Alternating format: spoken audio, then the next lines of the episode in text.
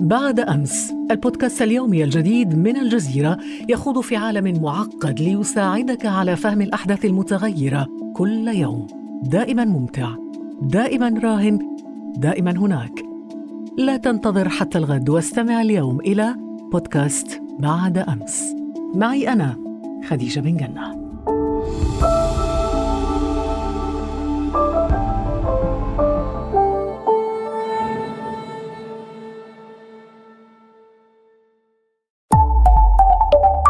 الجزيرة بودكاست. ارتكزت هذه الحلقة إلى البحث في المراجع والمصادر الموثوق بها وكتبت بضمير المتكلم لمقتضيات العمل الدرامي.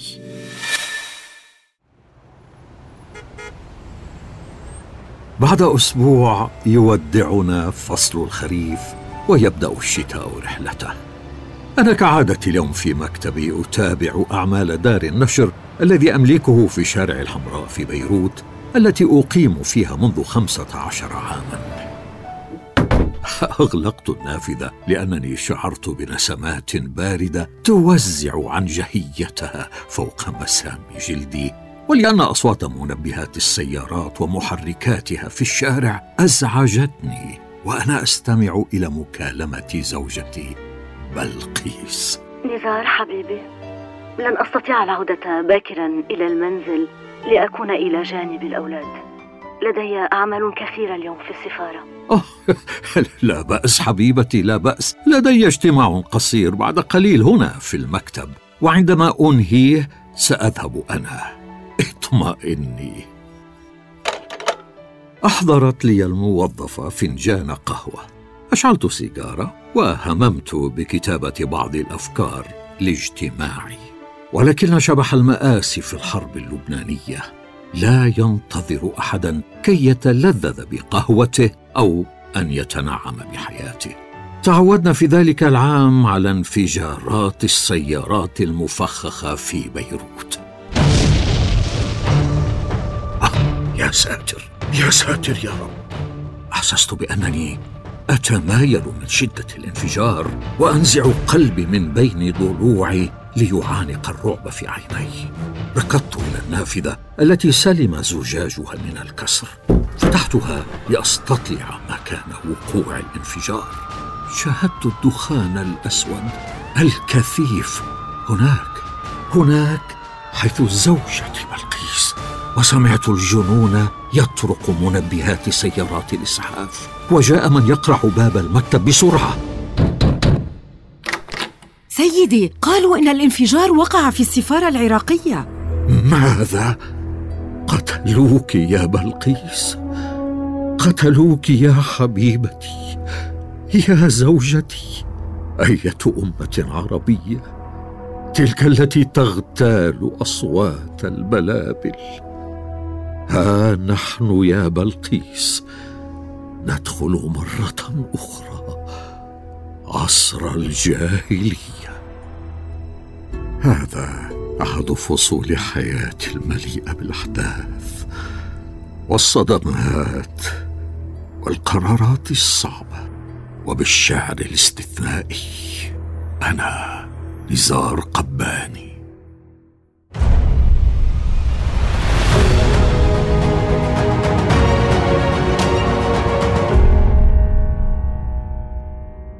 أهلا بكم متابعينا الأعزاء في حلقة جديدة من بودكاست رموز من الجزيرة. أقدمها إليكم أنا جهاد حيث يحدثكم نزار قباني بصوتي عن ظروف حياته وأشعاره والحب والسياسة وتمرده على الواقع. سترافقني سيلينا التي أشعر أنها ستفتش في داخلي عن أسراري كالعصفور الذي يفتش عن لمحة ضوء ليبدأ التغريد. وليبدأ هذا العصفور بنقد ثمرة شعرك أيضا. فأنا سأتابع قصتك مع المستمعين ولكن لن أكون مستمعة فقط. ولدت في عام 1923 في منطقة مئذنة الشحم في دمشق. وتخرجت من كلية الحقوق في جامعتها وأنا في عمر 22 عاماً. توظفت فورا في ذلك العمر في السلك الدبلوماسي. ولم تمضي سنوات قليله حتى تزوجت. كانت زوجتي من أقاربي واسمها زهراء أقبيق. رزقنا بتوفيق. الذي رحل باكرا عن هذه الدنيا وابنة سميتها هدباء كانت زوجتي محافظة وتقليدية وأنا كنت في بدايات رحلتي في عالم الشعر. أكتب عن المرأة والجمال والحب وتكتب مع قصائدي كلمات المعجبات وصور ويرسلن إلي رسائلهن ليعبرن فيها عن إعجابهن بي وبشعري مما جعل زوجتي أسيرة الغيرة فراحت تمزق هذه الرسائل.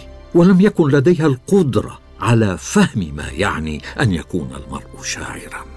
فأصبحت المشكلات مرافقة دوما لزواجنا فتم الطلاق بيننا. بدأت الصدمات باكرا في حياتي.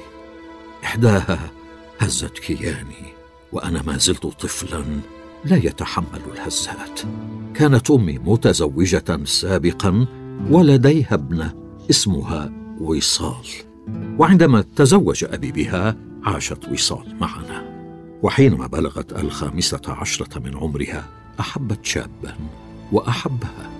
فتقدم لطلب يدها من والديه فرفضاه بحجة الفوارق الاجتماعية بينه وبين شقيقتي لم تتحمل المسكينة حرمانها من حبيبها فانتحرت. جاءتني هذه الصدمة كالسكين ليغرس في قلبي الطري عندما فتحت باب تلك الغرفة وتسمرت عيناي بجسد شقيقتي من أمي وصال أحسست بلحظة وأنا أحدق فيها أن رأسي قد قد قد قد انفصل عن جسمي. ما عدت أشعر باللحظات حولي ولا بنفسي تجمد الدم في عروقي.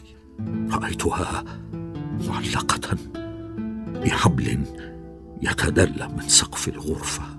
كانت جاحظة العينين فارعبتني وصرت أصرخ بلا وعي ولولا هذه الصدمة ما كنت عرفت معنى لكلمة شقاء في طفولتي. شاءت الأقدار أن تتعرف إلى هذا الشقاء وأنت طفل. ولكنك لم تتخلى عن شقاوتك. التي كادت أن تفقدك حياتك. وماذا تنتظرين من طفل ولد في الحادي والعشرين من شهر آذار مارس يوم ولادة الربيع؟ كانت الأرض في ذلك اليوم تستعد لفتح حقائبها الخضراء وتثور على نفسها وتنفذ انقلابها على الشتاء. وتطلب من الحقول والحشائش والأزهار والعصافير أن تؤيدها في انقلابها هذا. تستكثرين علي حينها أن أنعم بالدلال وأن أمارس شقاوتي البريئة. ليست بريئة مئة بالمئة. طبعا من يمارس الطيران من البشر؟ ليس بريئا بل بل مجنونا مجنونا.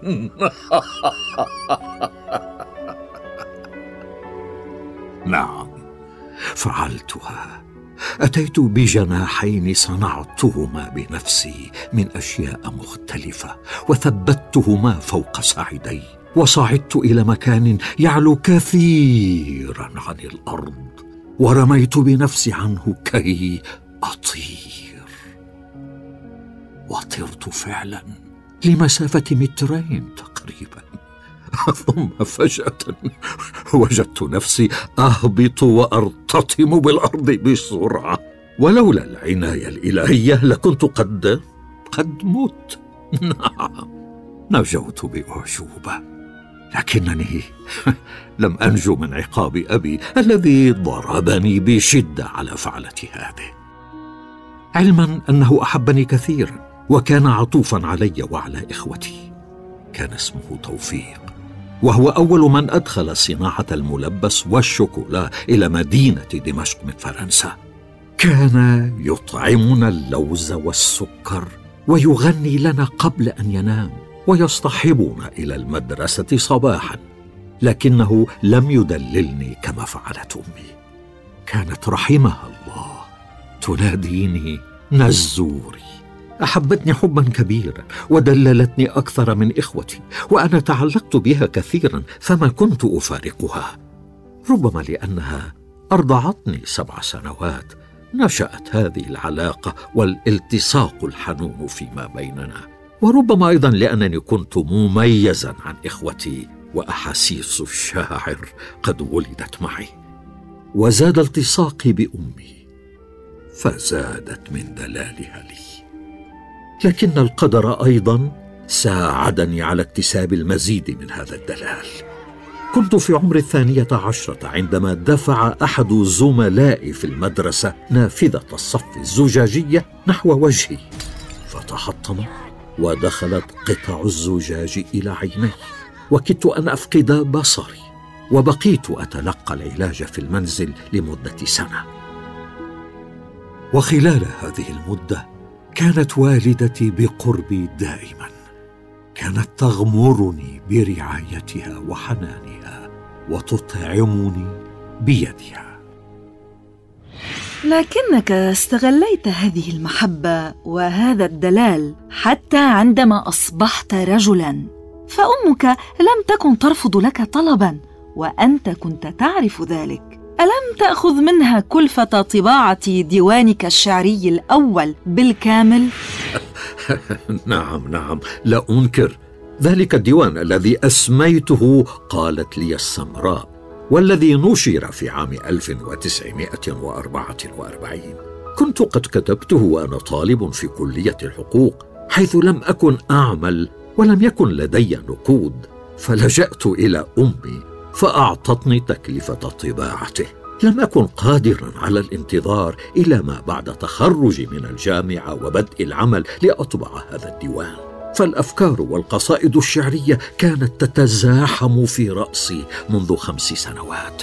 ففي الخامس عشر من شهر آب أغسطس من عام 1939 حين كان عمري قد تجاوز الستة عشر عاما بشهور كتبت أول أبيات الشعرية وأنا في رحلة بحرية إلى روما مع رفاق لي في المدرسة ولم أتوقف من حينها عن كتابة الشعر. كنت أشعر قبل أن أبلغ سن المراهقة بميلي للشعر. فمع أنني تعلمت الرسم والخط العربي والموسيقى عندما بلغت العاشرة من عمري ولكنني لم أتابع في أي منها بل اخترت الشعر. قد يكون لذلك عامل وراثي. فعم والدتي أبو خليل القباني الذي عاش في أواخر القرن التاسع عشر. كان يكتب الشعر بالعربية والفارسية إضافة إلى تأليفه الروايات والمسرحيات وإخراجها.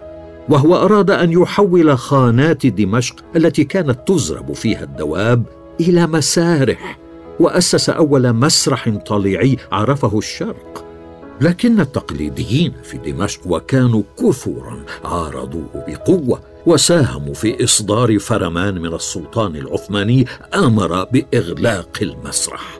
فهاجر أبو خليل تحت هذا الضغط إلى مصر ليفتش عن حريته فيها وبقي هناك حتى مماته. أبي أيضا كان يفتش عن حريته وهو في دمشق. كان أحد رجال وممولي حركة المقاومة الشعبية ضد الاحتلال الفرنسي في العشرينيات.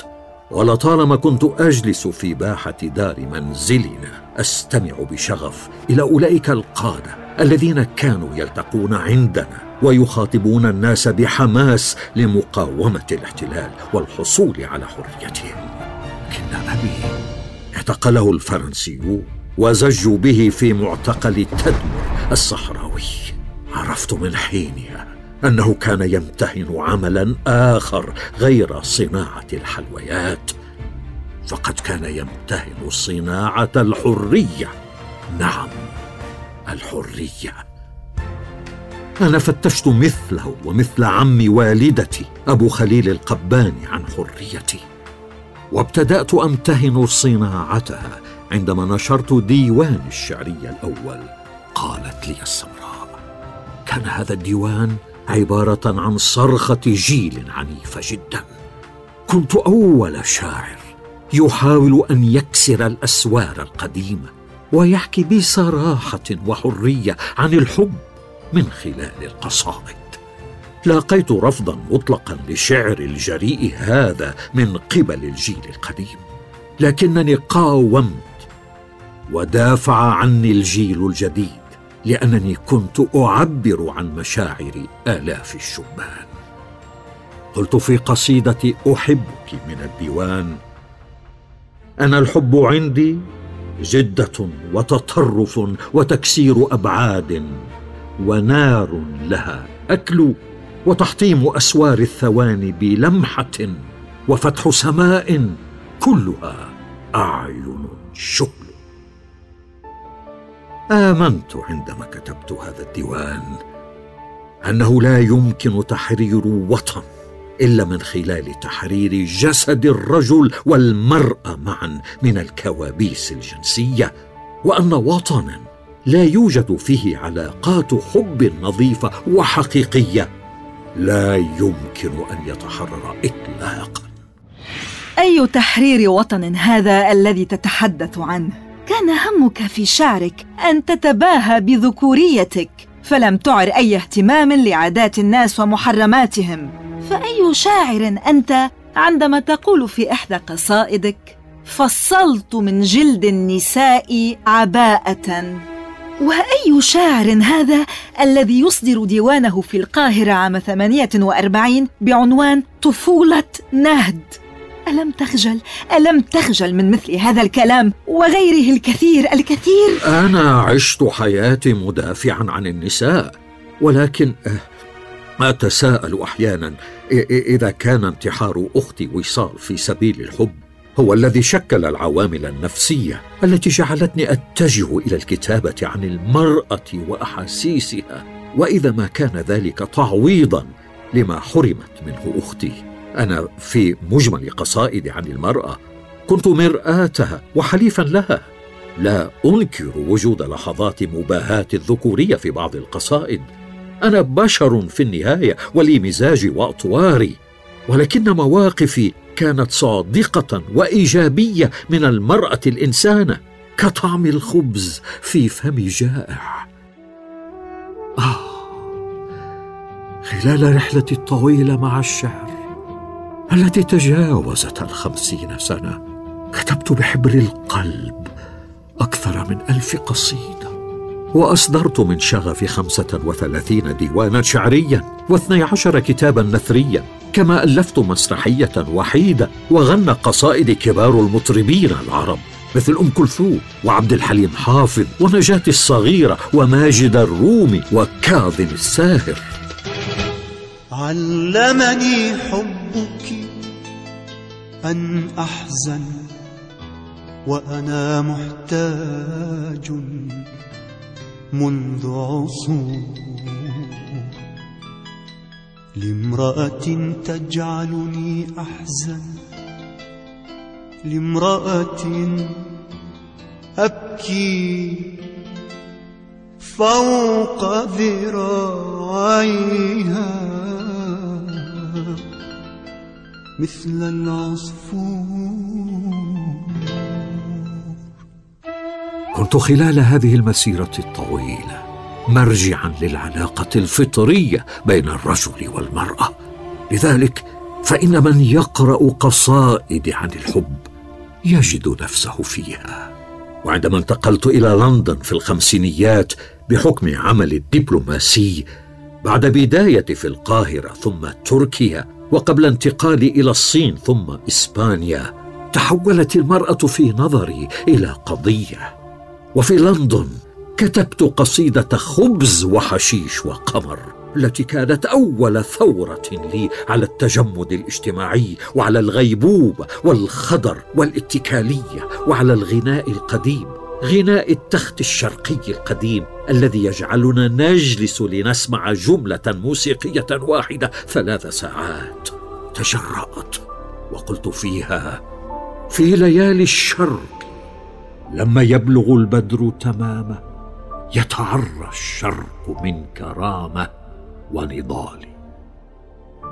للأسف للأسف اتهمت بسبب هذه القصيدة بأنني أمثل بلادي واشتمها وتعرضت إلى استجواب في مجلس النواب السوري لكنهم فشلوا في إدانتي. إنما رشقني الناس في دمشق الحجارة والبندور والبيض الفاسد بسبب القصيدة نفسها. التي نشرتها في عام 1954 لا أخفي سرا لو قلت إن كل لحظة من لحظات عمري الدبلوماسي كنت أشعر خلالها بأنني أناقض نفسي وأشعر دائما بحالة من النزاع الداخلي والصراع وبأنني أكبر من الوظيفة وبقيت هكذا حتى استقلت من عملي الدبلوماسي عام 66 واخترت الحرية والشعر. الحرية والشعر. صرت قادرا على التعبير عن ارائي وقناعاتي خاصة السياسية منها بحرية وجرأة أكبر. وبرز ذلك عندما حدثت نكسة عام 1967 وهي جاءت كالإعصار السياسي والزلزال الكبير الذي اعتصر وجداني وحولني من شاعر الحب والحنين إلى شاعر يكتب بالسكين. سأقول في التحقيق إن اللص أصبح يرتدي ثوب المقاتل. وأقول في التحقيق إن القائد الموهوب أصبح كالمقاول.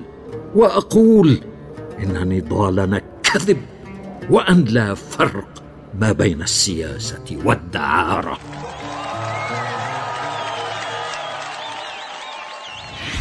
هذه من القصيدة التي كتبتها لبلقيس بعد مقتلها عام 81 في بيروت عند تفجير السفارة العراقية التي كانت تعمل فيها. ولكن قبل ذلك وقبل نكسة عام 67 وقعت أحداث سياسية كبرى في وطنك سوريا وفي المنطقة العربية. ولم تهتم بها كما يفترض حتى إنك لم تفكر بالتعبير ولو ببيت شعر واحد عندما استقلت سوريا عن الاستعمار الفرنسي.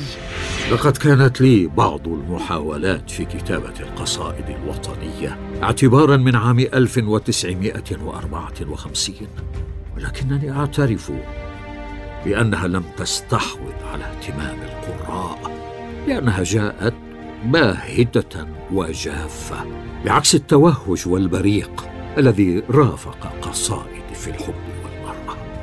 منذ انطلاقتي في عالم الشعر لم أتوقف عن هجو الخمول والتفكك والميل إلى الترف وتدهور فضيلة الشجاعة في الإنسان العربي المعاصر. وكنت أدرك أن هذه الأمور تساهم في توالي هزائمنا وتراكم مآزقنا. إلى أن حدثت النكسة في حزيران يونيو عام 1967 حينها ثرت على كل شيء وحملت غضب ووجع الأمة العربية بأسرها عبر قصائدي وفجرت أولى قنابل الشعرية قصيدتي هوامش على دفتر النكسة. خلاصة القضية توجز في عبارة. لقد لبسنا قشرة الحضارة والروح جاهلية. بالنهي والمزمار لا يحدث انتصار. كلفنا ارتجالنا خمسين ألف خيمة جديدة. لا لا يريدون أن يسمعوا أو يفهموا. صموا آذانهم. منعت هذه القصيدة في مصر وامتنعت إذاعة القاهرة عن بث جميع الأغاني التي كلماتها من شعري. كتبت حينها رسالة إلى الرئيس جمال عبد الناصر. شرحت فيها أن نقدي الجارح خرج من قلب محب للعروبة فرفع الحظر عن القصيدة وعن الدواوين والأغاني. استمريت في كتابة القصائد السياسية الصارخة التي ألهبت الجماهير وعبرت عن همومها ومشاعرها وبلغ مجموعها واحدا وخمسين قصيدة. وتراجعت بالمقابل في كتابة شعر الغزل دون أن اهجره وبقيت أدعو في قصائدي إلى تحرير المرأة العربية من السلطة الذكورية والاجتماعية. في مسيرتي الشعرية هذه. استبيح دمي مئات المرات. استباحوا عندما كتبت قصائد التمرد على الواقع الاجتماعي وعندما اتهمت بعض الحكام العرب بتسببهم بنكسة عام سبعة وستين وتشريد الفلسطينيين. وحينما وجهت أصابع الاتهام إلى النظام السوري بتفجير السفارة العراقية في بيروت خلال الحرب اللبنانية وقتل زوجتي فيها وغيرها الكثير الكثير. وكنت في كل مرة أمسح دمي بمنديل وجعي وأضع فوق جروحي آمال الأجيال العربية وأجلس إلى مكتبي لأكتب قصيدة. جديده لكن في عام 1993 أعلنت الطلاق مع الشعر السياسي بعدما اكتشفت في محاولة جريئة لنقد الذات أن جميع ما كتبته منه ذهب مع الريح واقتنعت بأن الشعر السياسي العربي لا ثبات له ولا ديمومه ها هو آخر أيام نيسان أبريل العام 1998 يطل علي وأنا ما زلت راقدا في أحد مستشفيات لندن منذ مدة طويلة. بعدما بدأت تظهر علي أعراض مشاكل صحية في القلب أشعر أن موتي اقترب لذلك كتبت وصيتي وطلبت فيها أن أدفن في دمشق بجانب والدي وولدي وعلى الرغم من وجودي في المستشفى. فأنا حتى الآن أكتب الشعر وعندما لا أجد ورقا اكتب على أوراق وصفات الطبيب. الآن الآن أرحل عن هذه الدنيا وأنا لست بنادم على شيء في حياتي. الندامة فيها ضعف وتراجع. ربما هناك قصائد كتبتها قبل عشرات السنين. لم تعد تمثلني الآن. ولكنني أجد لها العذر ولا أكرهها. ففي تلك المرحلة كان الكلام صحيحا ومبررا. اليوم اليوم اختلفت الحياة والمرأة والشعر. وهذا التناقض فيما قلته و وأقوله الآن. دليل على أن الشاعر يتغير. فهو ليس كرسيا أو أو جدارا. هو حالة والحالة تلغي التي قبلها. وهكذا رحل نزار قباني في الثلاثين من شهر نيسان أبريل عام 1998 عن عمر 75 عاماً إثر إصابته بنوبة قلبية. وبعد رحيله بعشرة أعوام صدر له ديوان أبجدية الياسمين والذي تضمن آخر ما كتبه في المستشفى في رحلة علاجه قبيل الغياب الأخير بعدما جمع ما كتبه حينها. لقد استمعنا إلى قصته وإبداعه وتمرده.